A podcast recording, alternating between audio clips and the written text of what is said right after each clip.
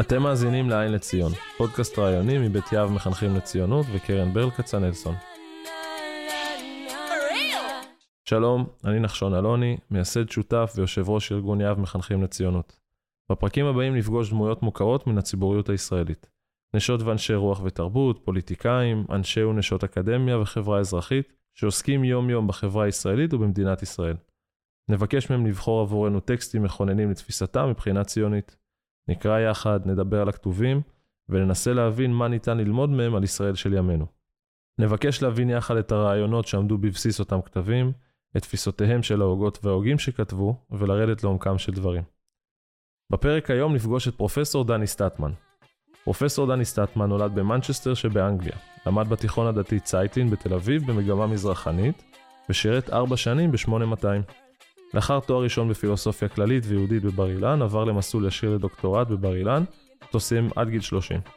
היה חבר סגל בבר אילן עד 2001, ואז עבר לחוג לפילוסופיה בחיפה, שם מילא תפקידים שונים, בין השאר ראש החוג לפילוסופיה ויו"ר האגודה הישראלית לפילוסופיה. פרופסור סטטמן הוא מייסדי תוכנית מן הבארות, המפגישה אנשי חינוך יהודים וערבים ללימוד משותף של טקסטים מהמסורות השונות. היה חבר בוועדות ציבוריות שונות, וביניהם ועדת סל התרופות, ועדת המצפון של צה"ל, והוועדה שכתבה מחדש את הקוד האתי של צה"ל. עמית בכיר במכון הישראלי לדמוקרטיה. תחומי ההתמחות שלו הם באתיקה ובפילוסופיה פוליטית, וספריו האחרונים הם State and Religion in Israel, הוצאת קיימברידג' 2019 עם גידי ספיר, ו-War by Agreement, הוצאת אוקספורד ב-2019 עם איציק בן בג'י. דני גר בהושעיה, נשוי לרבקה, אב לארבעה ילדים וסב לשישה נכדים. דני, בוקר טוב. בוקר טוב. מה שלומך בימים אלה? אני יודע שזו שאלה קשה, אבל בכל זאת, מה שלומך? שאלה קשה, תשובה טריוויאלית, כמו שאומרים, בסדר. אוקיי. אמ, קודם כל, תענוג וכבוד גדול להתארח ולארח, להתארח אצלך, לארח בפודקאסט.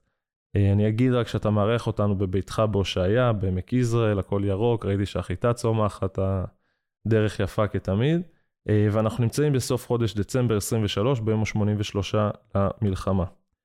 אמ, אולי לפני שנתחיל ונצלול לנושא שלנו, אמ, מעניין אותי לשמוע איפה תפסה אותך כל ה... תופס אותך כל הסיטואציה ההזויה הזאת שלנו, ואני אשמח, ואני בטוח שגם המאזינים ישמחו, כל אלפי המאזינים, לשמוע מבחינה אישית ומקצועית. אנחנו נדבר בהרחבה, אבל רגע, אתה יודע, איך אתה? איפה זה תופס אותך? שוק גדול, כמו כולנו, החיים אה, הזדעזעו והיטלטלו לגמרי. לקח כמה, לקח כמה שעות עד שהבנו מה קורה. הלכתי לבית כנסת בשמחת תורה בבוקר, עד אז לא ידעתי משום דבר. פגשתי מישהו, ראיתי פנים קצת נפולות, אמרתי, מה קורה? אמר לי, אה, איזה טילים על משהו, כאילו, הוא לא הבין גם עדיין מה קורה. עד סוף התפילה הגיעו יותר שמועות. אמ, אחרי התפילה כבר התחילו לת... מילואימניקים לחזור ליחידות שלהם, ולאנשים כמוני זה מיד החזיר אותנו למלחמת יום כיפור. ש- שגם הבנים שלך במילואים, נכון? שני הבנים כן, שלך. אמ, באותו רגע רק אה, הבן הקטן שלי אה, גויס באותו יום, אבל כן, כולם, כולם גויסו, וזו הייתה בדיוק תחושה כמו ביום כיפור, שככל שהשעות נוקפות, עוד ועוד אה, חבר'ה הולכים לצמתים שיאספו אותם ליחידות שלהם. באמת יום כיפור אנחנו גם אולי נדבר קצת על, ה, על המלחמה ההיא ועל החיבור והקשר גם מבחינה תאריכית, גם מבחינת המלחמה עצמה. אמ, אני רוצה להגיד עוד פעם ברוכים הבאים לכולם לפרק נוסף ולטעמי פרק אה, מרתק במיוחד, שאנחנו הולכים לדבר היום על נושא שעד לפני כמה שנים היה בקונצנזוס. אמ, אולי אחת הפרות הקדושות שהיו בחברה הישראלית, שהיום כבר אנחנו גם כן לא, לא בטוחים כבר עד כמה. בעיקר בתפיסה של צה"ל כצבא המוסרי ביותר בעולם, נושא עליו הייתה הסכמה רחבה בכל הקשת הפוליטית, מימין ומשמאל, ועמד במרכזן של פרשיות לא מעטות מקום המדינה, עד שבשנים האחרונות, כמו בעצם כל דבר בשיח הישראלי ובחברה שלנו, גם הנושא הזה החל להיתפס כמשוייך לצד uh, ספציפי במפה הפוליטית. אנחנו מדברים על סוגיות מוסריות בלחימה, כשחלק מרכזי עוסק ב- בטוהר הנשק. דני, אולי אתה רוצה לדייק את זה או להגיד איך שאתה רואה, אבל אני אשמח שאתה תגיד על זה כמה מילים על הנושא הזה. יש פה שני דברים, אפ- אפשר תכף לעבור לדבר על אתיקה בלחימה באופן כללי, אבל לגבי הסיפור שלך למציאות הישראלית, אני לא רואה את זה ככה בכלל. אני חושב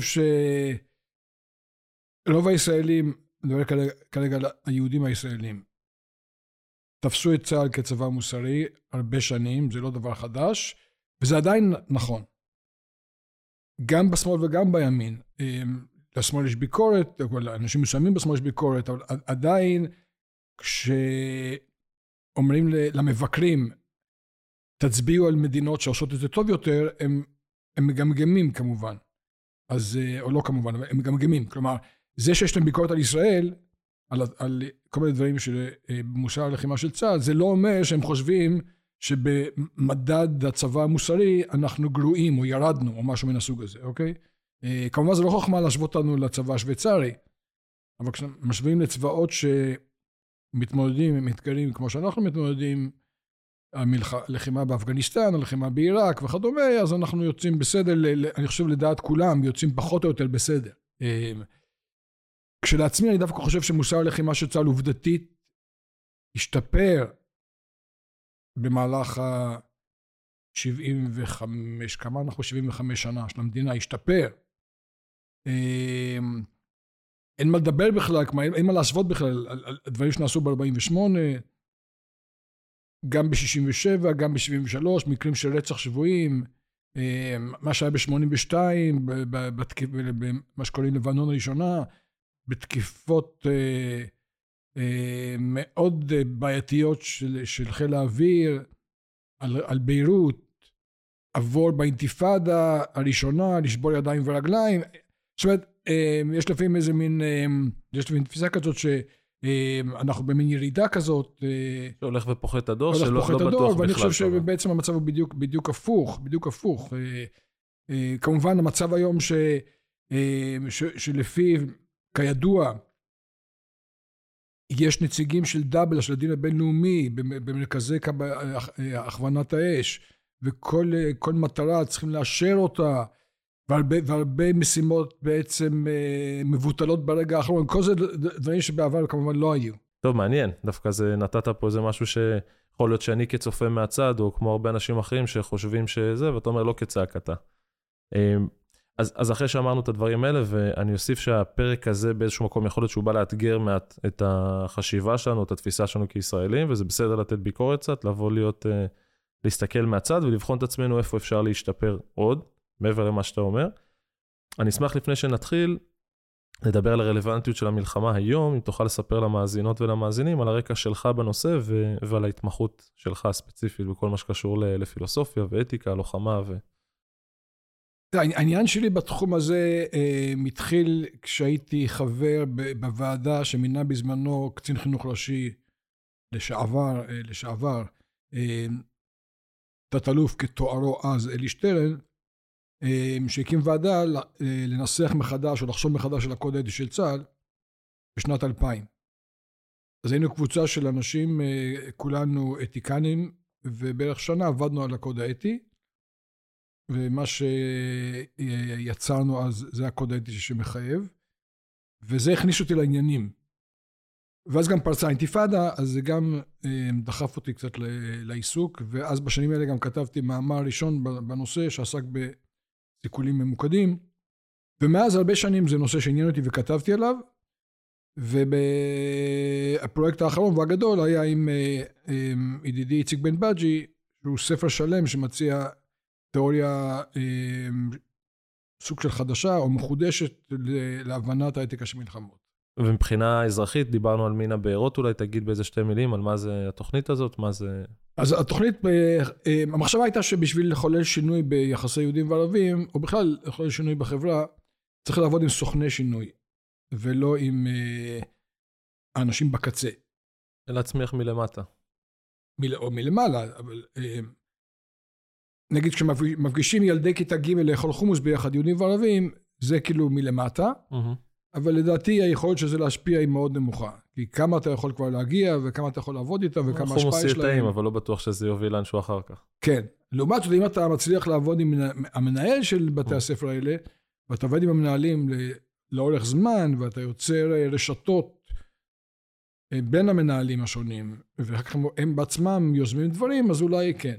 אז זו הייתה המחשבה. אז בעצם נפגשים מנהלי בתי ספר, יהודים, ערבים, שלומדים, קוראים. שלומדים ביחד טקסטים יהודיים, מוסלמים ונוצריים, סביב נושאים שונים. נניח לוקחים נושא כמו מחילה. מחילה, סליחה, לא מחילה... מחילה, סליחה. forgiveness. כן. עפו. אנחנו היום במצב שלנו, אני ישר חושב על, אתה יודע, תת קרקע וכאלה, לא על... כן. צריך לחשוב איך זה קשור באמת, מבחינה אטימולוגית, לא חשוב כרגע. ואז לומדים מקורות מתוך הקוראן נניח רלוונטי, ומקורות מתוך נגיד היהדות, ולומדים את זה בקבוצות קטנות בחברותא, ואחר כך דנים בזה ביחד, ושואלים איך ליישם את זה בבתי הספר, ודברים מן הסוג הזה. מדהים, אתה יודע, אנחנו כבר מכירים, אתה יודע שמבחינתי התפיסה הזאת של טקסטים, וגם ביהב אנחנו מתעסקים בזה הרבה כ- ככלי, כמתודה ל... לאיזשהו שיח, לדיבור, אז בכלל זה, זה ישתלב לנו גם תכף בהמשך הקטע. אז דני, אולי באמת בשביל שיהיה לנו איזשהו בסיס, או איזושהי לא יודע, קרקע בשביל שנוכל אה, אחר כך להתחיל ולדבר על, על, על המשך השיחה. אני אשמח שתעשה לנו איזה סדר בכמה נושאים אה, או בכמה מושגים תיאורטיים, רגע להכניס אותנו לעולם שלך, שנוכל להמשיך את הדיון.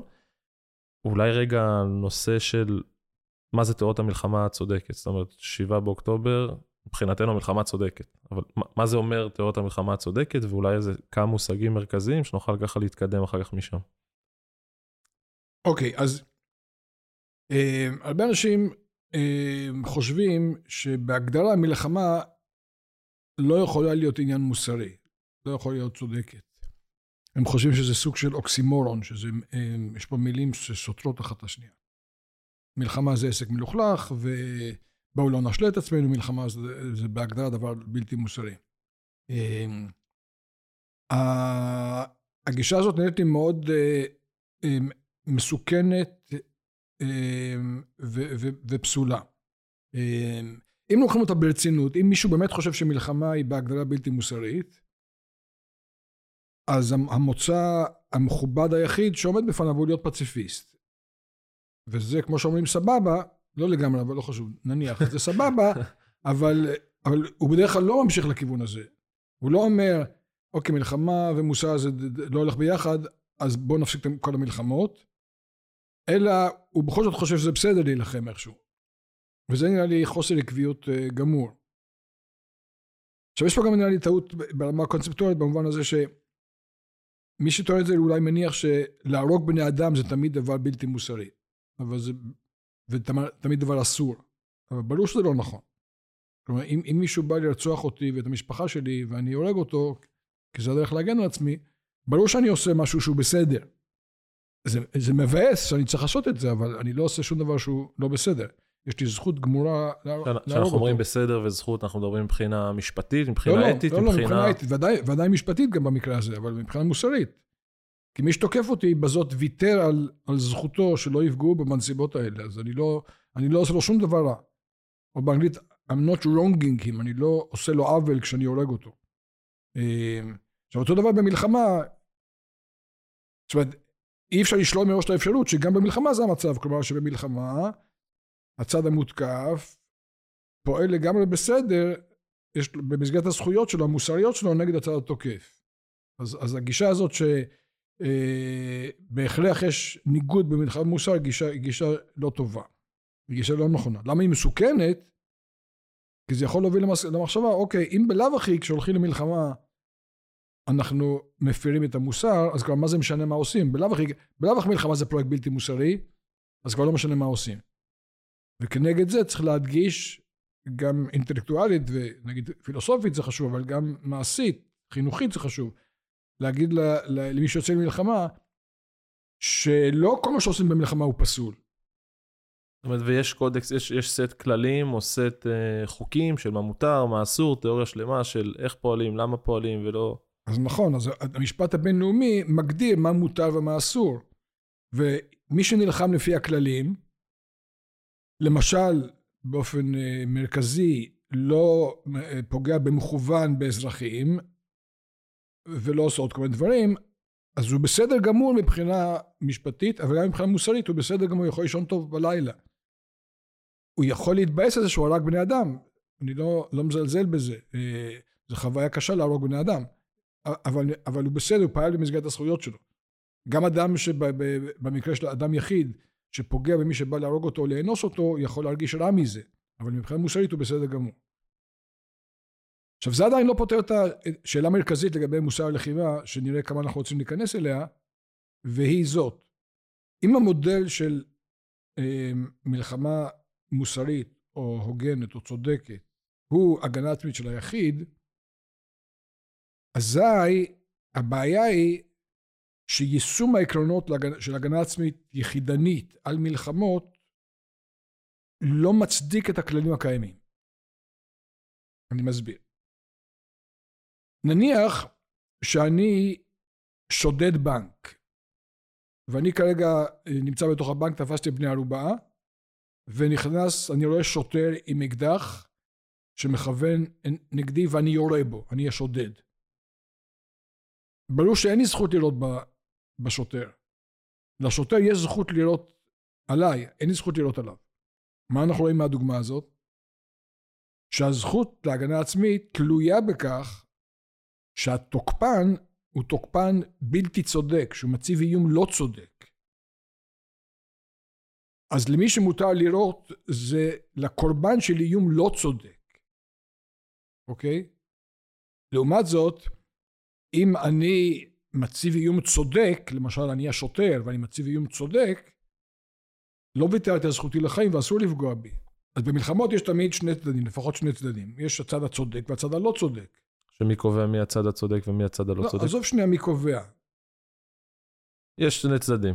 כשגרמניה פולשת לפולין ב-1939, גרמניה הצד הלא צודק ופולין מתגוננת היא הצד הצודק. ברור. לא, היא לא צודקת ב... המושג צודק הוא קצת ביטוי מרומם מדי. בהקשר הזה היא קורבן לתקיפה לא צודקת. אוקיי, זאת הכוונה. כמו שאם מישהו בא לאנוס אותי, ואני אומר, אני, אני הצד הצודק, אני יכול להיות שבהרבה דברים אחרים אני מאוד לא צודק, ואני בן אדם גרוע. אבל במקרה הספציפי הזה. בהקשר הספציפי הזה, אני הקורבן של תקיפה לא צודקת. אוקיי.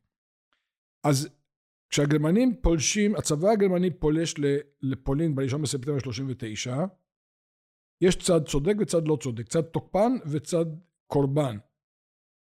לפי דיני המלחמה, למי מותר לירות על מי? תשובה. לפולין על גרמניה. לפי דיני המלחמה, לחיילים בשני הצבאות מותר לירות אחד על השני. לחיילים. חייל, לחיילים בשני הצבאות. אוקיי.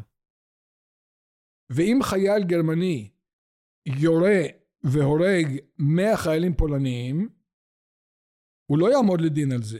לא בגלל שאין לנו כרגע כוח להעמיד אותו לדין, או שאנחנו באמצע מלחמה, או שהוא גם אחרי המלחמה, וגם אם הוא יודה לגמרי בזה שהוא עשה את זה, אין, בעיית, אין בעיית ראיות. הוא לא עומד לדין. למה? כי הוא פועל במסגרת הזכויות שלו, כי לחיילים בשדה הקרב מותר לראות אחד על השני. אז בעצם אנחנו עושים פה קטגוריזציה באיזשהו מקום של מה שדיברת קודם על אזרחים, ועכשיו אנחנו מדברים על חיילים, ודברים שונים תקפים לשני המקרים. כן, וזה נראה לא סביר. כלומר, אז איך אפשר, איך אפשר להצדיק מבחינה מוסרית את הכלל הזה, את הכלל המשפטי הזה? אז אני נתתי את זה כדוגמה אחת לקושי לבסס את דיני הלחימה על העקרונות של הגנה עצמית יחידית או יחידנית. או תיקח עוד דוגמה. ב, ב, אמ, בהגנה עצמית של יחיד, אני יכול לפגוע בך אם אתה תוקף אותי. אוקיי. Okay.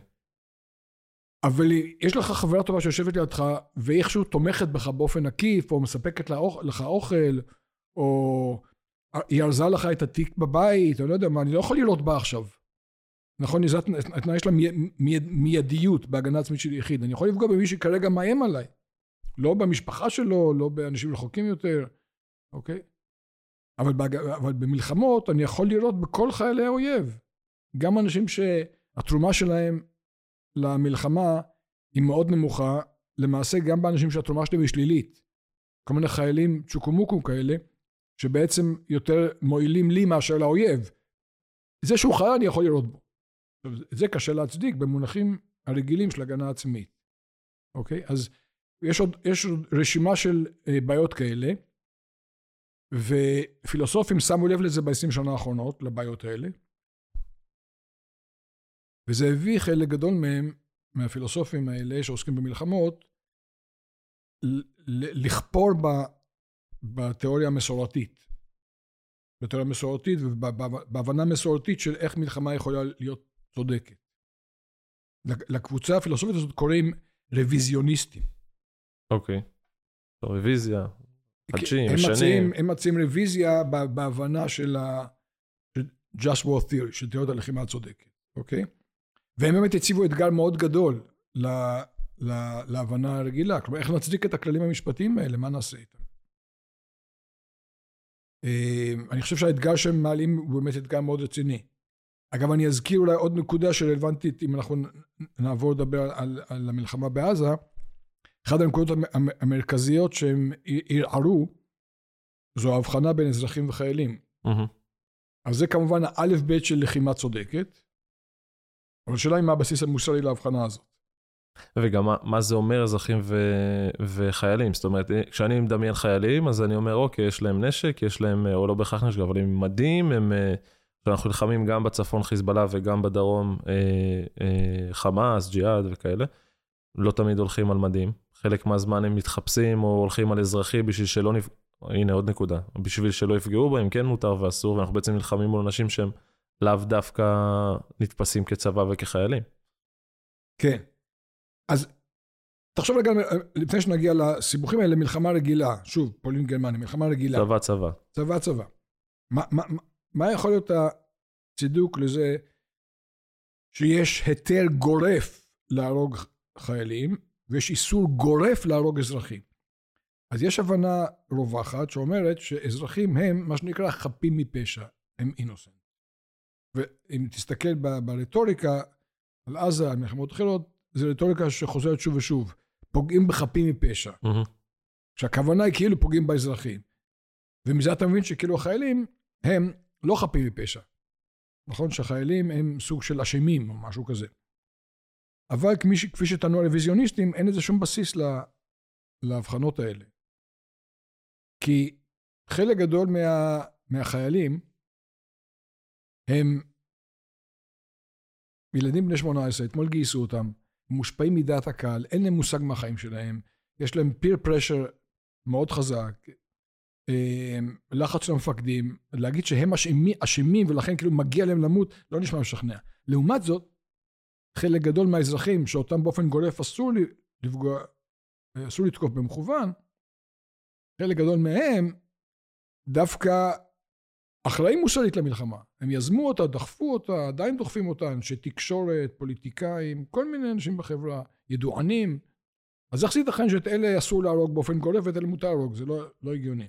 אוקיי, אז אה, אני חושב שדווקא בנקודה הזאת הם צודקים. הם צודקים במובן הזה שזה נכון, שזו טעות להגיד שאזרחים, לזהות בין אזרחים לבין חפים מפשע, ובין חיילים לבין לא חפים מפשע, אוקיי? אז אם יש הסבר לכך שאסור להרוג אזרחים, הוא לא תלוי בזה שהם חפים מפשע.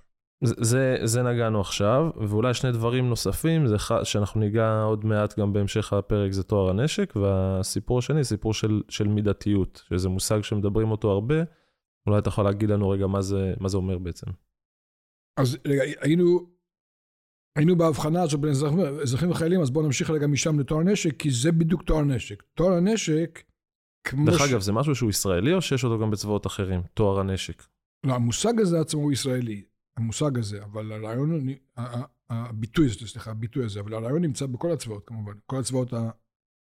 נגיד מתורבתים, כי, כי ההבחנה בין אזרחים וחיילים זה ההבחנה הכי יסודית במוסר הלחימה, זה הדבר הכי יסודי. כל הדברים האחרים הם בשוליים, זה הדבר הכי יסודי. אמ, אז אמ, כבר ב, ב, עוד לפני שצה"ל קם, כשצה"ל קם, זה הפך להיות, זה תמיד היה דבר מאוד מרכזי. מה זה תואר נשק? אנחנו לא פוגעים במכוון באזרחים. אבל למה לא להגיד יותר חזק? למה, למה, למה לא להגיד שאסור בכלל לפגוע באזרחים? לא רק, לא, לא רק במכוון. הרי מה- למה האזרחים צריכים להיפגע? בואו נקבע כלל שלא פוגעים באזרחים. התשובה היא שכלל כזה, ככה אני מבין את זה, התשובה היא שכלל כזה ימנע מצבאות להילחם באופן אפקטיבי. במיוחד כשמדובר בלחימה באזורים אורבניים, אבל, אבל אה, גם אם חלק גדול מהלחימה הוא לא באזורים אורבניים, מפקדות הן באזורים אורבניים, כל מיני מטרות אסטרטגיות הם באזורים אורבניים. בסוף גם מפקדים ואנשים בכירים הם אנשי משפחה, וזה גם תמיד איזושהי דילמה שעולה שאם רוצים לפגוע, רוצים לעשות, רוצים לסכל, הם גם כן נמצאים במשפחה, באזור המשפחה שלהם, ואז יש חפים מפשע והם וכאלה. נכון, אם כי שוב, זה עולה בעיקר בלחימה נגד ארגוני טרור. Mm-hmm. במלחמה רגילה בין צבאות לא עושים דברים כאלה. לא, לא, לא מטרגטים בבית את המח"ט. אה, אפשר, אפשר לדון למה לא, אבל אוקיי, אז, אז זה הרעיון של נשק. אז, אמ, אז טוהר נשק אוסר לפגוע במכוון באזרחים, איסור גורף, איסור גורף, שזה גם איסור משפטי וגם איסור מוסרי. אמ, אגב, לכן חוסר האחריות המטורף של אה, קבוצות מסוימות בחברה הישראלית ש, שמעודדות פגיעה מכוונת באזרחים, מעבר לכל מיני שאלות מוסריות, הם פשוט מפקירים את החיילים האלה. כלומר, חיילים שיקשיבו לעצה הזאת ויפגעו במכוון באזרחים, צפויים לעמוד לדין. זה, זה, זה, זה ההגדרה של פשע מלחמה. לפגוע במכוון באזרחים, כשברור שהם אזרחים. לא ש... לא ש... לא, לא נדבר על מה שאמרת קודם, כן, לובשים אזרחי, אבל בעצם יש להם אה, נשק. לא, אזרחים אזרחים. כשברור שהם אזרחים. כשברור שהם אזרחים. לפגוע במכוון באזרחים, זה, זה פשע מלחמה הכי מובהק. אז, אה, אז אז מעבר לכל הדברים האחרים, פשוט שיקולים של דאגה לחיילים שלנו, השיקול צריך להיות להעביר לחיילים שאת זה אסור לעשות. אה, אז אפשר לפגוע ב... אה, אז, אז אני חוזר שוב לנקודה המרכזית שכרגע רצינו להגיד, שאסור לפגוע במכוון, אבל אפשר לפגוע ב, ב, באזרחים לא במכוון. כמו שאמרנו, אחרת אי אפשר יהיה להילחם באופן אפקטיבי. שזה נקרא נזק אגבי? זה נקרא... זה נקרא נזק אגבי, collateral harm, נזק אגבי. אז אפשר לפגוע באזרחים אם זה לא פגיעה מכוונת. השאלה היא עד כמה מותר לפגוע באזרחים. אז נניח אני תוקף איזה, איזה סיור נידח של האויב. מותר לי במלחמה לפגוע באויב בכל מקום בלי בעיה. אבל במקרה הסיור הזה בדיוק עובר כרגע ליד בית ספר. והסיור הזה הוא לא מאוד חשוב, לא מאוד חשוב לפגוע בו. זה לא סיור מפקדים עם הרמטכ"ל ואלופי הפיקוד. ואם אני, אני אפגע בו, סיכוי טוב שאני יהרגו נגיד עשרות ילדים בבית ספר. זה נראה לא מידתי.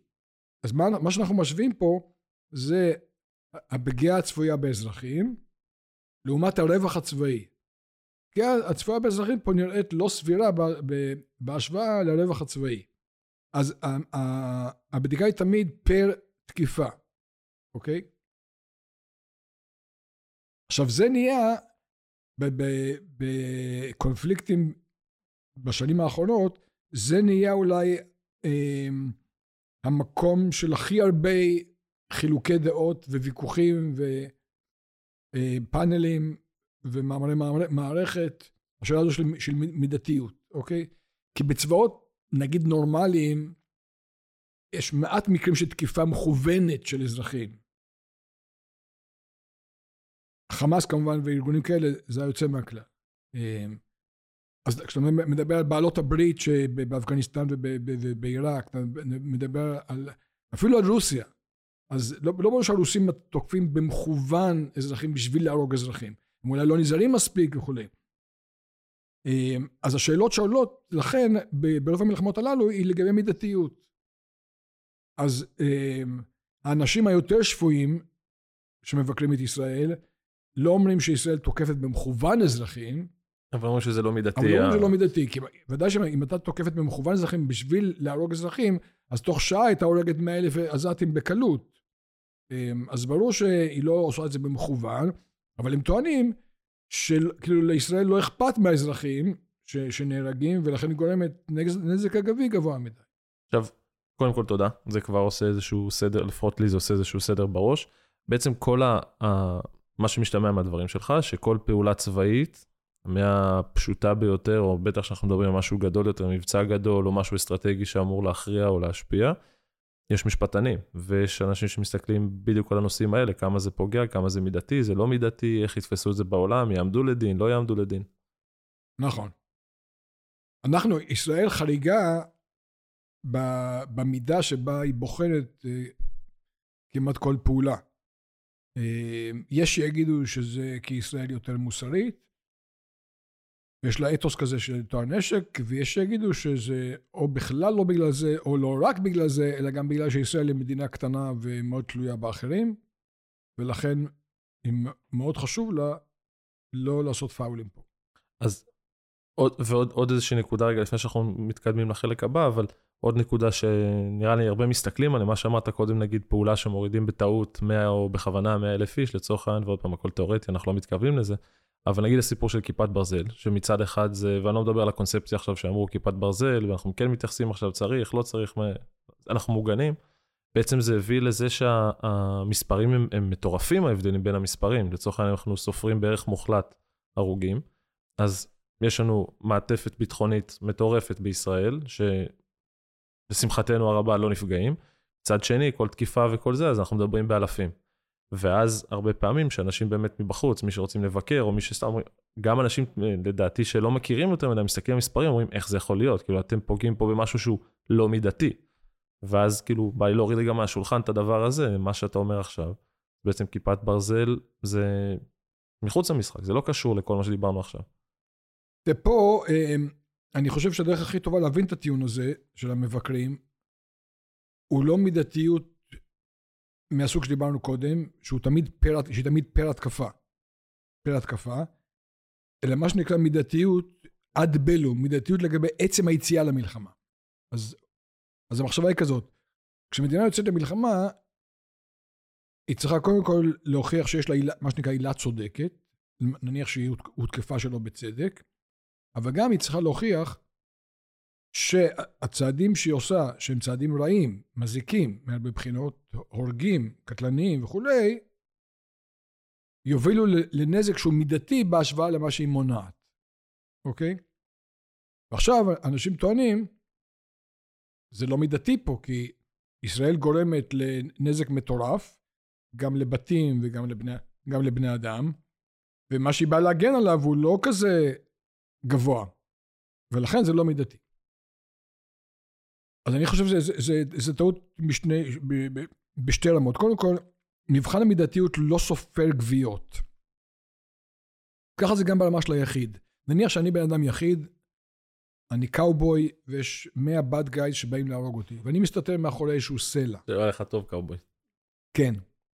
ואני, הם באים להרוג אותי, ואני קלינט איסטווד, ויש לי המון תחמושת, ואני גם מאוד מדייק.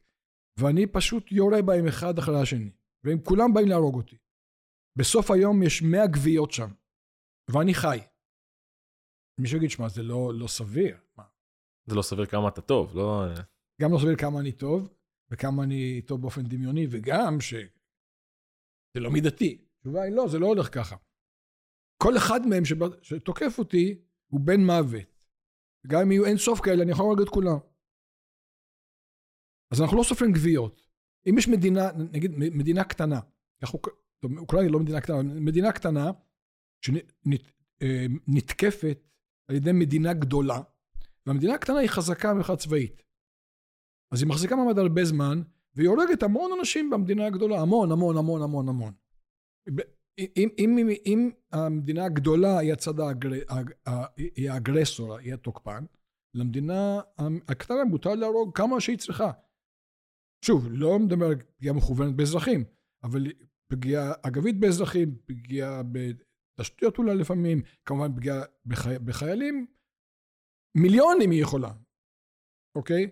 וזה נראה לי, אני, זה נושא שאני עכשיו קצת מתחיל לעסוק בו באופן, אולי נכתוב על זה משהו.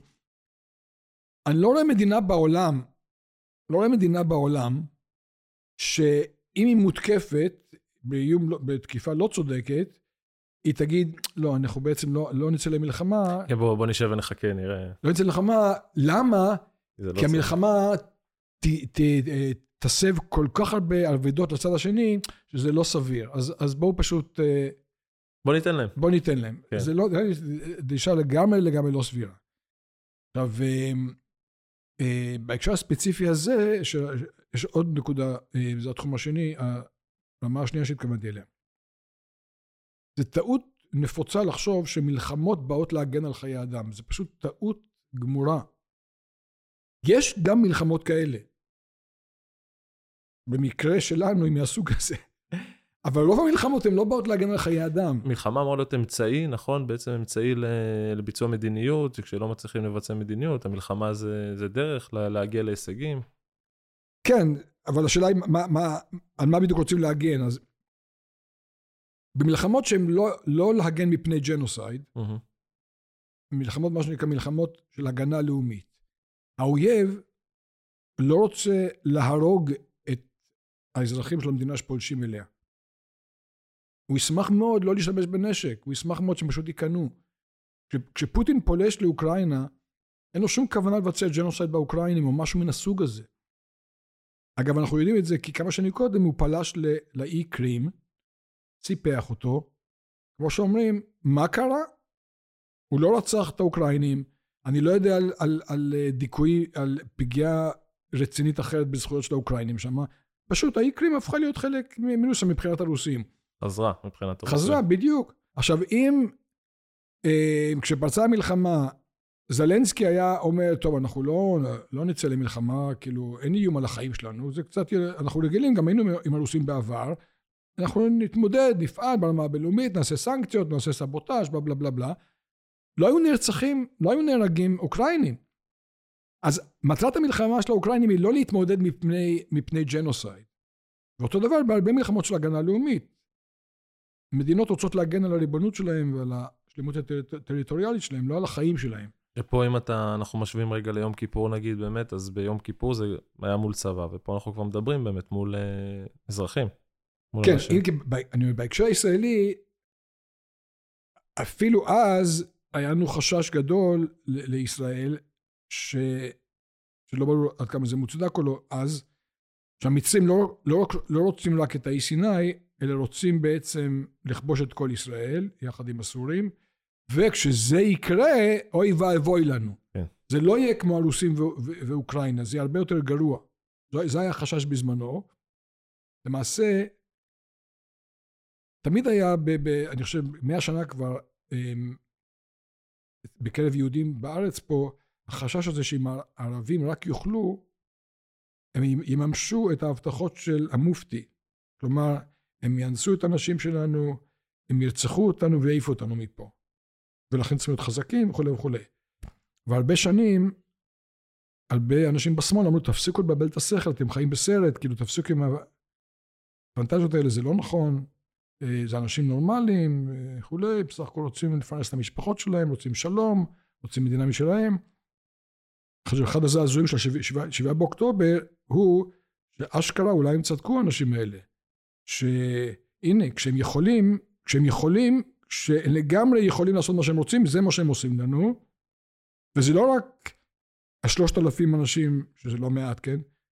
אלא שבכל העולם הפלסטיני כמעט לא היו קולות אחרים אחר כך. זה לא שאנשים אמרו, אוי, מה אתם עושים? זה בכלל לא, זה לא, זה לא, זה לא הקטע שלנו, זה לא מה שיצא. אז יש דאגה, חרדה עצומה, שזה, שזה הכיוון. שהכיוון הוא כן ג'נ, ג'נוסיידי, כלומר, הכיוון הוא בעצם להרוג את היהודים. אבל אני רוצה רק להשלים את הטיעון, רציתי להגיד דבר כזה. שרוב המלחמות הן לא להגן מפני ג'נוסייד, ולמרות זאת, לפי דיני המלחמה ולפי Just War Theory, מותר למדינה שמותקפת שלא בצדק לצאת למלחמה ולהרוג ולהרוג ולהרוג כמה שצריך חיילי אויב וכמה שצריך להרוג אזרחים כל עוד זה מידתי ובאופן אגבי גם אם בסוף הסיפור הזה אחרי עשר שנות לחימה יהיו מיליונים של גופות של האויב הפולש כשכל מה שרצינו להגן עליו זה ריבונות ושלמות טריטוריאלית. קל וחומר במקרה שלנו כשברור שהאיום של חמאס הוא לא איום מהסוג הזה של פגיעה בריבונות או שלמות טריטוריאלית, הם, הם לגמרי ברורים מה הם רוצים להשיג, והם גם עושים את זה כשהם יכולים, אז ברור שבמקרה הזה מותר למדינה לצאת ולעשות מה שצריך. טוב, אנחנו נעבור לחלק השני בעצם של, ה, של הטקסטים. אני אגיד שמי שזה הפרק הראשון שלו, שאלה שהם שומעים אותנו, אז אנחנו, קודם כל שישמעו את הפרקים האחרים, כי הם, הם גם טובים. מצוינים. אבל אני אסביר בכל זאת רגע לגבי הטקסטים. אחת המטרות שלנו ביהב היא לקחת טקסטים מכוננים, כמו שאמרנו, מבחינה ציונית, רעיונית, לקרוא וללמוד אותם ולנסות להבין איך הם רלוונטיים לימינו ואיך הם יכולים להוביל אותנו לכדי מעשה. אה, וזאת הסיבה שבפרקים, אנחנו, בפרקים בפודקאסט, אנחנו מבקשים מהמרואיינים בעצמם לבחור לנו טקסטים שיכולים להדגיש את הנקודה שהם אה, רוצים לדבר עליהם. ודני, אתה הבאת לנו היום איזשהו שילוב אה, מרתק, אני צריך להגיד, שזה שני קטעים ממקורות שונים, מזמנים שונים, שמשלימים זה את זה, ומחזקים את זה, זה את זה בכוונת מתכוון, אני מניח שאתה הבאת אותם. אני אשמח שתספר לנו רגע גם מה הטקסטים, מי כתב, מה הרקע. אוקיי, okay, אז הטקסט, הטקסט הראשון הוא הערך של אה, טוהר הנשק במסמך רוח צה"ל. אמ, זה טקסט ש... אמ, שבו שינינו את הטקסט המקורי של, אה, של המסמך הראשון. אמ, אולי לא ניכנס כרגע לפירוט למה, והוא, הוא, הוא, כמו שמנוסח כרגע, הוא מחדד מאוד את ההבדל בין אזרחים לבין חיילים. אז, אז בואו נקרא את זה. החייל ישתמש בנשקו ובכוחו לביצוע משימה בלבד, אך ורק במידה הנדרשת לכך, וישמור על צלם אנוש אף בלחימה. החייל לא ישתמש בנשקו ובכוחו כדי לפגוע בבן אדם שאינם לוחמים ובשבויים, ויעשה כל שביכולתו למנוע פגיעה בחייהם, בגופם, בכבודם וברכושם. זה מנוסח פה האמת באופן מאוד תובעני, בתף, כן? באופן מאוד תובעני. אולי אפילו תובעני מדי, אבל זה אולי טבעם של מסמכים כאלה שמציבים רף גבוה. למשל, יש פה עניין הזה של לשמור על צלם אנוש אף בלחימה. כלומר, גם במסגרת מה שמותר לך לעשות, תנסה לזכור שאתה בן אדם ושם זה בני אדם, חיילים כמוך, לפעמים מגויסים בגיל 18, תנסה אה, לבטא את זה בלחימה, תעשה מאמץ אקטיבי למנוע פגיעה בחייהם, גופם, כבודם ורכושם, אז יש פה דרישה, דרישה חזקה. היא, היא חזקה, היא, היא מחזקת עוד יותר את מה שאתה אמרת בהתחלה, שזה מבחינת המוסריות ומבחינת זה שכל הזמן מנסים באמת, הנה, אתה אומר שזה עדכון ומנסים לחזק כל הזמן ולהשתפר, ו... קודם כל מעניין אותי מה אתה חושב, אם, אם לדעתך היום על הקטע הזה אה, שקראנו עכשיו, אם חותמים, אה, אני יכול לדבר בקרב העם ואני יכול לדבר בקרב חברי כנסת והמנהיגות הפוליטית שלנו, אם לדעתך היום רוב האנשים או כל האנשים או כמה אנשים חותמים על הדבר הזה בכלל, סביב כל השיח שאנחנו רואים עכשיו שקורה. עכשיו מאוד קשה לדעת, אני משער, הניחוש שלי שגם היום אה, אם אנשים יחשבו על זה ברצינות ולא מול קהל באולפן, והם יבינו את המשמעות של מה שהם צריכים לחתום עליו, הם יחתמו על זה, הם יקבלו את זה. אמ, אבל אני מסכים, יש קולות, קשה לדעת כמה, כמה הם אה, חזקים ורווחים, בגלל שהם קיצוניים, הם עושים, אתה יודע, עושים להם promotion והם בולטים. אה, אבל בתשובה לשאלה שלך, אני חושב שכן. אני חושב שגם היום, רוב הישראלים יהיו גאים ושמחים בערך הזה. ו... כש, כשאנחנו דיברנו לפני, ה... בהכנה של, ה... של הפרק הזה והכל, ודיברנו על ה... לפני שבועיים, אה, מקור ראשון הוציאו איזשהו פק"ל כיס, אתה ראית אותו גם, שבעצם פק"ל כיס שצריך, אני, אני אקריא רגע, שהוא צריך להיות בכל כיס, כמו שהם אומרים, ושם דבר, כתובים אולי דברים מעט שונים. כאילו פה באמת בטקסט שאתה הקראת, אז הוא מאוד ברור, תכליתי, הוא תובעני כמו שאתה אומר, אבל זה איזשהו... מציב לנו רף מוסרי מאוד מאוד גבוה, איך אנחנו צריכים לנהוג, מה מותר, אבל גם איך צריך לנהוג, או ראוי. ושם כתוב ככה, הקוד המוסרי של צבא ישראל. כבר, אה, אני מוכן למסור את נפשי למען עם ישראל ומדינתו, אויב מחסלים ולא מנטרלים, אוכלוסייה תומכת טרור היא אויב, זה רגע נקודה של מה שדיברנו קודם, אוכלוסייה היא אויב. פקודה מסכנת אזרחים או חיילים כדי לשמור על אויב היא בלתי חוקית בעליל, נראה לי זה מתחבר לכל ה... למה לא מפציצים חיל האוויר ולמה אנחנו uh, מסכנים את החיילים שלנו. מיגור הרשע הוא צו מוסרי וטובת האנושות כולה. ארדוף את אויביי ואשיגם ולא אשוב עד כלותם, בשם השם נעשה ונצליח, חובה בכל כיס לוחם. עכשיו, גם הנושא הזה הופך לסוגיה של ימין ושמאל. כאילו איך שאנחנו לא הופכים את הסיטואציה ואיך שאנחנו לא רוצים לשמוע, ומשהו שהוא מאוד, אמרנו קודם, קונצנזוס, או משהו שסוף החבר'ה שיכולים להגיע מקיבוץ, יכולים להגיע מהתנחלות, מכל... הם מגיעים לצבא, מילואים אנחנו אחד. ויש לנו מטרה אחת וכולנו מגינים ביחד על ישראל. הסיפור הזה פתאום, זה נראה שזה שוב תופס איזשהו גוון פוליטי, וכאילו, למה לוקחים את זה לשם? למה לוקחים פחות מעניין אותי, אפשר להבין אה, אה, למה פוליטיקאים מנסים לקדם את זה. השאלה שצריכה להטריד אותנו היא איזו השפעה יש ל... ל... איך זה נקרא? פק"ל כיס. לפק"ל כיס החדש הזה, איזה, איזה השפעה הם, עלולה להיות לו. הם, אני משער שההשפעה מאוד נמוכה. זאת ההשערה שלי. האתגרים שניצבים כרגע בפני חיילים בעזה הם כל כך רציניים. הקושי להבחין בין אזרחים וחיילים, הקושי להתמודד עם כל מיני פרובוקציות של חמאס. אני פשוט לא חושב שההנחיות האלה ישנו משהו הלכה למעשה. אני גם חושב שתחת אש או תחת סיכונים כאלה לא יהיו הבדלים משמעותיים בהשתייכות הפוליטית. זה הרבה יותר עניין של, להערכתי, וממה שקצת קראתי ודיברתי עם אנשים, זה הרבה יותר עניין של אה, חוט שדרה כמפקדים, זה לא שייך של שמאל וימין, זה הרבה פעמים, הרבה פעמים הדיבורים האלה על אה, אה לא אכפת לנו וכולי, זה בעצם מפקד שאין לו חוט שדרה ו... ואין לו, מספיק משמעת, זה לא בהכרח חיילות טובה יותר. אה, אז אני יכול לראות מפקד לגמרי, שהוא בא כאילו מרקע חילוני ושמאלני, או קצין שהוא בא מרקע חילוני ושמאלני, שיילחץ בסיטואציה ויפגע פגיעה לא סבירה באזרחים עזתים, ומפקד אחר שהוא בא, שהוא נגיד מפקד דתי, ימני, מהשטחים, מההתנחלויות, שהוא לא יעשה את זה. אז אני, אני, אני לא חושב שתהיה לזה השפעה, השפעה של ממש, ואני כמובן גם מאוד מקווה, מאוד מקווה שלא תהיה לזה השפעה. בין השאר, כמו שאמרתי קודם, ללכת לפי הפק"ל הזה, זה לסכן את החיילים שלנו שיעמדו לדין, או לדין בארץ או לדין בהאג. אה, כלומר, הדיבור המטורף הזה, על, על שכל העזתים תומכי טרור, ולכן כל העזתים הם מטרה לגיטימית, זה ברור שזה פשע מלחמה, זה, אין מה לדבר על זה. פגיעה מכוונת בעזתים, פשוט כי הם אויב, זה פשע מלחמה בעליל.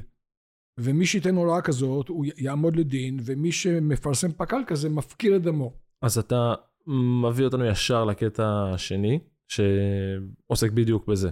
ובוא ת, ת, תוביל אותנו לשם, מה שנקרא. כן, אז, אז, אז הקטע שלי הוא מאוד, מאוד, מאוד מעניין, כי אם מקבלים שלפעמים מלחמות הן בלתי מוסריות, אבל לא כל המלחמות הן בלתי מוסריות, ואם מקבלים שחלק מה שעושים במלחמה הוא בסדר, וחלק הוא לא בסדר, אז באמת יש מצבים שבהם במלחמה אדם אה, ניצב בפני אה, סיטואציה שהוא מקבל פקודה לעשות משהו בלתי מוסרי. זה יכול לקרות. זה קרה בתולדות המלחמות כידוע. כולנו זוכרים את פרשת כפר קאסם אצלנו, אבל היא לא הפרשה היחידה. אז השאלה היא מה אדם צריך לעשות. אז יש מין דימוי כזה בגלל האופי שבו הציונות הדתית, האופי שהיא לבשה היום, שהמסורת הדתית היהודית היא איכשהו בעד ציות טוטאלי במקרים כאלה. שכאילו הניצחון או הציות למלך מנצח את הכל. ויש לנו מקור מאוד מעניין בתלמוד הירושלמי, שמציג עמדה אחרת, מאוד מעניין. אז זה, זה, זה יושב על סיפור בספר שמואל. אה, ספר, סיפור מרתק וקשה, ש... שאול המלך רודף אחרי דוד, והוא לגמרי בפרנויה מדוד, ואז הוא מגלה שדוד היה בנוב וקיבל שם אה, אה, קצת צידה לדרך וקצת תחמושת ונשק, ואז נאמר שם, אני קורא, ויאמר המלך לרצים הניצבים עליו, סובו והמיתו כהני אדוני. גם ידם עם דוד. וכי ידעו כי בורח הוא, ולא גלו את אוזני. תהרגו את כל כהני נוב, כי הם ידעו שדוד אה, בורח, הם יד... שתפו פעולה, תהרוג את כולם. איך, איך כתוב בפק"ל הזה? הם כולם תומכי טרור, הם כולם תומכי דוד. דוד הוא מורד במלכות, הוא מורד במלך, והם תמכו בו, אז קדימה, תהרגו אותם. ולא אהבו עבדי המלך לשלוח את ידם לפגוע בכהני אדוני, הם לא הסכימו. מצב מביך בשביל שאול המלך. הוא אומר לחיילים שלו, מן הסתם החיילים המובחרים שלו, יאללה, חסלו אותם, הם לא, מש, לא משתפים פעולה, מסרבים פקודה. ויאמר המלך לדואג האדומי, אחד מהחיילים שלו, הקצינים שלו, סוב אתה ופגע בכהנים. ויסוב דואג האדומי ויפגע הוא בכהנים. אז הוא מצא מישהו שיבצע את זה, זו עבודה, עבודה מלוכלכת. התלמוד במסכת אה, סנהדרין, התלמוד הירושלמי, שואל מי היו העבדים האלה? כתוב, אה, לא כתוב מי, כתוב ולא אהבו עבדי המלך, אבל מי זה העבדים האלה ש, שסירבו פקודה? אמר רבי שמואל בר, בר רב נחמן, בר, בר רב יצחק, אבנר והמסע היו. אבנר והמסע, אבנר בן נר והמסע בן יתר, היו המפקדים הכי בכירים. שרי הצבא. היו המפקדים הכי בכירים של שאול. אז זה לא שהוא אמר לאיזה חייל צ'יק, לך תהרוג אותם, הוא אמר למפקדים הכי בכירים שלו. אז המפקדים הכי בכירים שלו לא הסכימו. אמ, אמ, אמרו לי, הם אמרו לשאול, כלומר איתלך עלינן, כלומר יש לך עלינו אלא הדן זונרה והדן קלינרין, מה יש לך עלינו? כאילו מה, מה אנחנו חייבים לך? מה, מה יש לנו? את החגורה הזאת, את, ה, את הסמלים, את הדרגות, את החגורה מדי השרד, הטריפין לך, בבקשה, קח את הדרגות, קח את התעודת קצין שלנו, אנחנו לא עושים את זה. אז זה טקסט פשוט מדהים, שמבחינת האומץ שזה, האומץ שזה מייחס פה, וזה כמובן התלמוד עושה. בשמואל לא ברור, ייתכן שזה... איך שלא יהיה, גם, גם הסיפור בשמואל הוא מדהים, שעבדי המלך מעיזים לא לשלוח את ידם. זאת אומרת, יכול להיות, אפשר להגיד שזה הסירוב הפקודה הראשון, שזה הפקודה הבלתי חוקית בעליל הראשונה. במסורת היהודית, כן. במסורת היהודית. אולי, אולי בהקשר הישראלי זה מזכיר קצת את ה... העובדה שמדובר פה ב... אה, לפי, לפי התלמוד, בקציני מלחמה כאלה בכירים שמסרבים פקודה, זה מזכיר ב, ב, ב, בהיסטוריה הצבאית הישראלית את המקרה של אלוף משנה אלי גבע, שסוג של, לא בדיוק, אבל סוג של מסרב פקודה בזמן מלחמת אה, לבנון הראשונה, להיכנס לביירות. אה, אז צריך המון אומץ ל, ל, לעמדה כזאת. דרך אגב, יש פה גם, אתה יודע, מדברים על סרבנים, סרבנות, זה גם כן משהו שמתכתב לנו עם היום, מכל השיח שהיה לפני המלחמה, אם כן ישרתו, לא ישרתו, ילכו, אבל בסדר, זה כבר, זה דיברנו בפרק אחר. כן, אז אני אומר, כבר, כבר במקרא זה טקסט מאוד חזק, ששאול המלך, שהיה מלך לגמרי מטורף בשלב הזה, וברור שהוא פרנואיד, בכל זאת, יש להם ביצים להגיד לו, לא, אנחנו לא עושים את זה, מצטערים. גם כן מראה כמה הוא היה כשיר כבר לפקד על הצבא בשלב הזה. כן. אנחנו צריכים להתקרב לסיום. ועוד פעם, למרות שאני מבחינתי, בוא נעשה עוד איזה שניים שלושה קפה ונשב פה עוד שעתיים עכשיו. מעניין אותי כמה שאלות אה, נקודתיות. קודם כל, אתה מגיע מהאקדמיה. אז אם יש איזשהו שינוי בעולם, אולי זה עדיין מוקדם מדי, אבל איזשהו שינוי בעולם האקדמי אחרי מה שקרה ב-7 באוקטובר. אני מניח שאתה מתכוון בהקשר הספציפי הזה של אה, כן, כן. הדיונים כן. באתיקה צבאית. אני, אני, אני, אני לא רואה, יהיה מעניין לראות, זה יהיה ממש מעניין לראות, אם מבקרי ישראל במסגרת החבורה הזאת של מי שעוסק באתיקה של מלחמות, ייאלצו במרכאות או לא במרכאות, לשנות את העמדות התיאורטיות שלהם כדי להצדיק את העמדות שלהם לגבי נגד ישראל. אוקיי? זה יהיה מעניין לראות. כי בכל מיני פולמוסים שהיו לי ולאחרים עם כל מיני מבקרי ישראל, הראינו להם כל מיני דברים שלא מתיישבים, שאיך הביקורת שלהם לא מתיישבת. נגיד הנקודה שהזכרנו קודם, שלפיה כל מי שהוא לא פציפיסט מצדיק מלחמות בעילות הרבה פחות דרמטיות מאשר העילה, העילה שלנו. אז לא מתיישב כל כך. אז, אז מעניין אם עכשיו יחמירו את, ה, את התנאים למלחמה צודקת. אמ, דרך אגב, יש פה, כל הזמן קופץ לי ל... לא יודע כמה אתה רואה את ארץ נהדרת עכשיו, על המערכונים שהם עושים על ברקלי ועל כל האוניברסיטאות וכל אלה, זה גם כן, זה נותנים שם את ה... אולי השגרירים הכי טובים שלנו היום. אמ, משהו רגע, באמת מהתקופה האחרונה, מהשבועיים שלושה האחרונים, אנחנו מדברים פה על טוהר הנשק ואנחנו מדברים פה על מלחמה והכל. אמ, לא הזכרנו את אלאור עזריה, זה נושא אחר שאנחנו לא נדבר עליו כרגע, אבל כל הסיפור של, של גיבור ישראל בסופו של יום, של יובל קסטלמן, שגם בסוף אנחנו רואים מקרה ש... עוד פעם, בהריגה, לא בהריגה, בקלות דעת, החייל ש, שירה בו, יש פה מישהו שביצע את כל הדברים כמו שצריך, שהוא הוריד את המעיל, הרים ידיים, דיבר זה, ובסוף אחד הטיעונים היו שהחייל היורה חשב שהוא ערבי. אז גם נכנס פה איזשהו סיפור של טוהר הנשק, גם אם זה לא במלחמה, וכמה לדעתך הדבר הזה משליך בין המקום האזרחי רגע, מתערבב פה במקום הצבאי. אני, אני מקווה שזה יהיה מקרה חד פעמי, אני, אני מקווה שהוא ייענש לפי מה שמגיע לו, זה, זה, זה שירה. אני לא יודע מה אפשר להכליל פה, זה, זה מקרה באמת קצת יוצא דופן. אמ, השאלה אם זה יוצא מן הכלל שלא מעיד על הכלל, או שזה משהו שאנחנו יכולים, צריכים לחשוש ממנו? לא, לא, אנחנו צריכים לחשוש ממנו. לגב, לגבי יחסי יהודים ערבים, זה אחד הדברים הכי מפחידים בתוך, בתוך ישראל. זה בלי ספק אחד הדברים הכי מפחידים. ב... שמצד אחד, יש פה דבר מדהים. אנחנו כבר, אנחנו ביום, כמה סיכמנו? 83. 83. שלושה. כולם היו בטוחים שיקרו דברים רעים בתוך ישראל בין יהודים וערבים, אוקיי? שאם בשומר חומות, על דברים הרבה פחותים מזה, הערבים יצאו ועשו מהומות מטורפות, אז עכשיו בטח הם רואים אלפים אלפים אלפים של מה שהם קוראים האחים שלהם בעזה, נהרגים וכולי, אז בטח יצאו לרחובות ויהיו מהומות וכולי, לא קרה כלום, לא קרה כלום, זה דבר מדהים. זה מעודד מאוד. זה מעודד. אגב, אפשר גם לפרגן ליהודים. במקום אחר בעולם אפשר בהחלט לשער שהרוב ש... הם עשו לו מה שעשו לו, היה יוצא ועושה לינצ'ים במיעוט. גם זה דבר מדהים, אוקיי.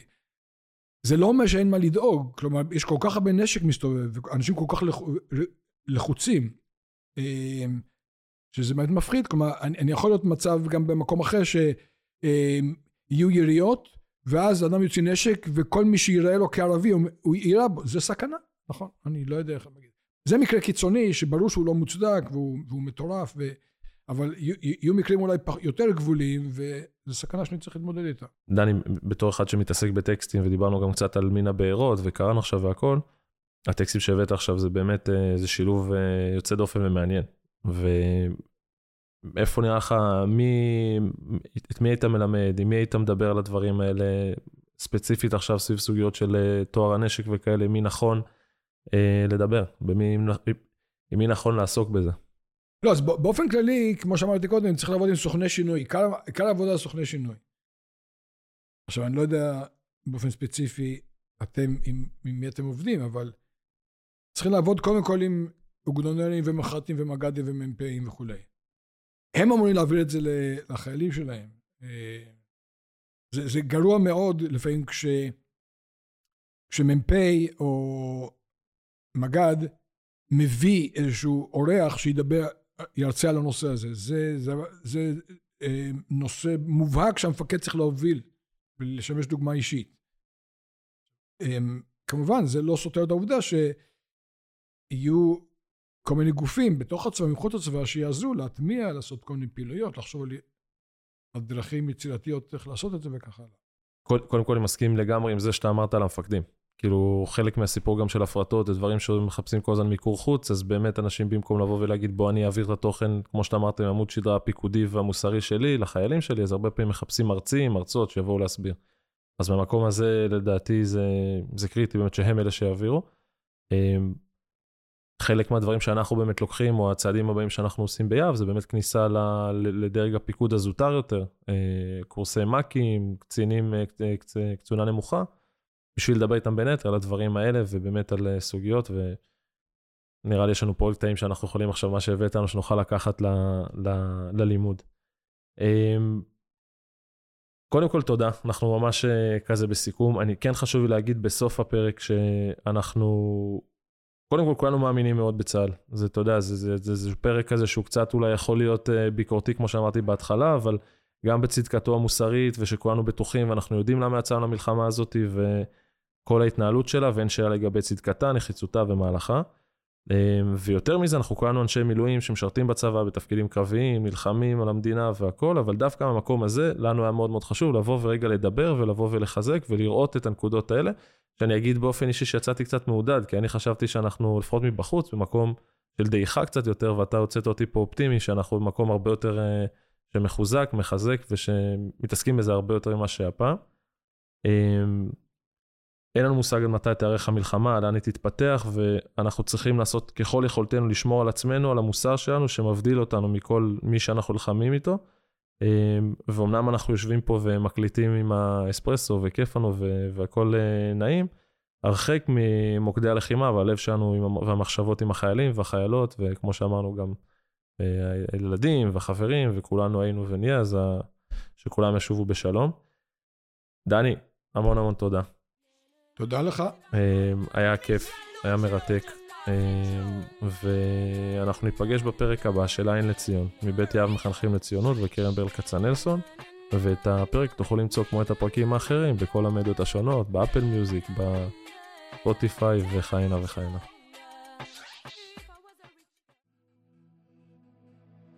גילאור הפקות למידה, פתרונות למידה מותאמים אישית.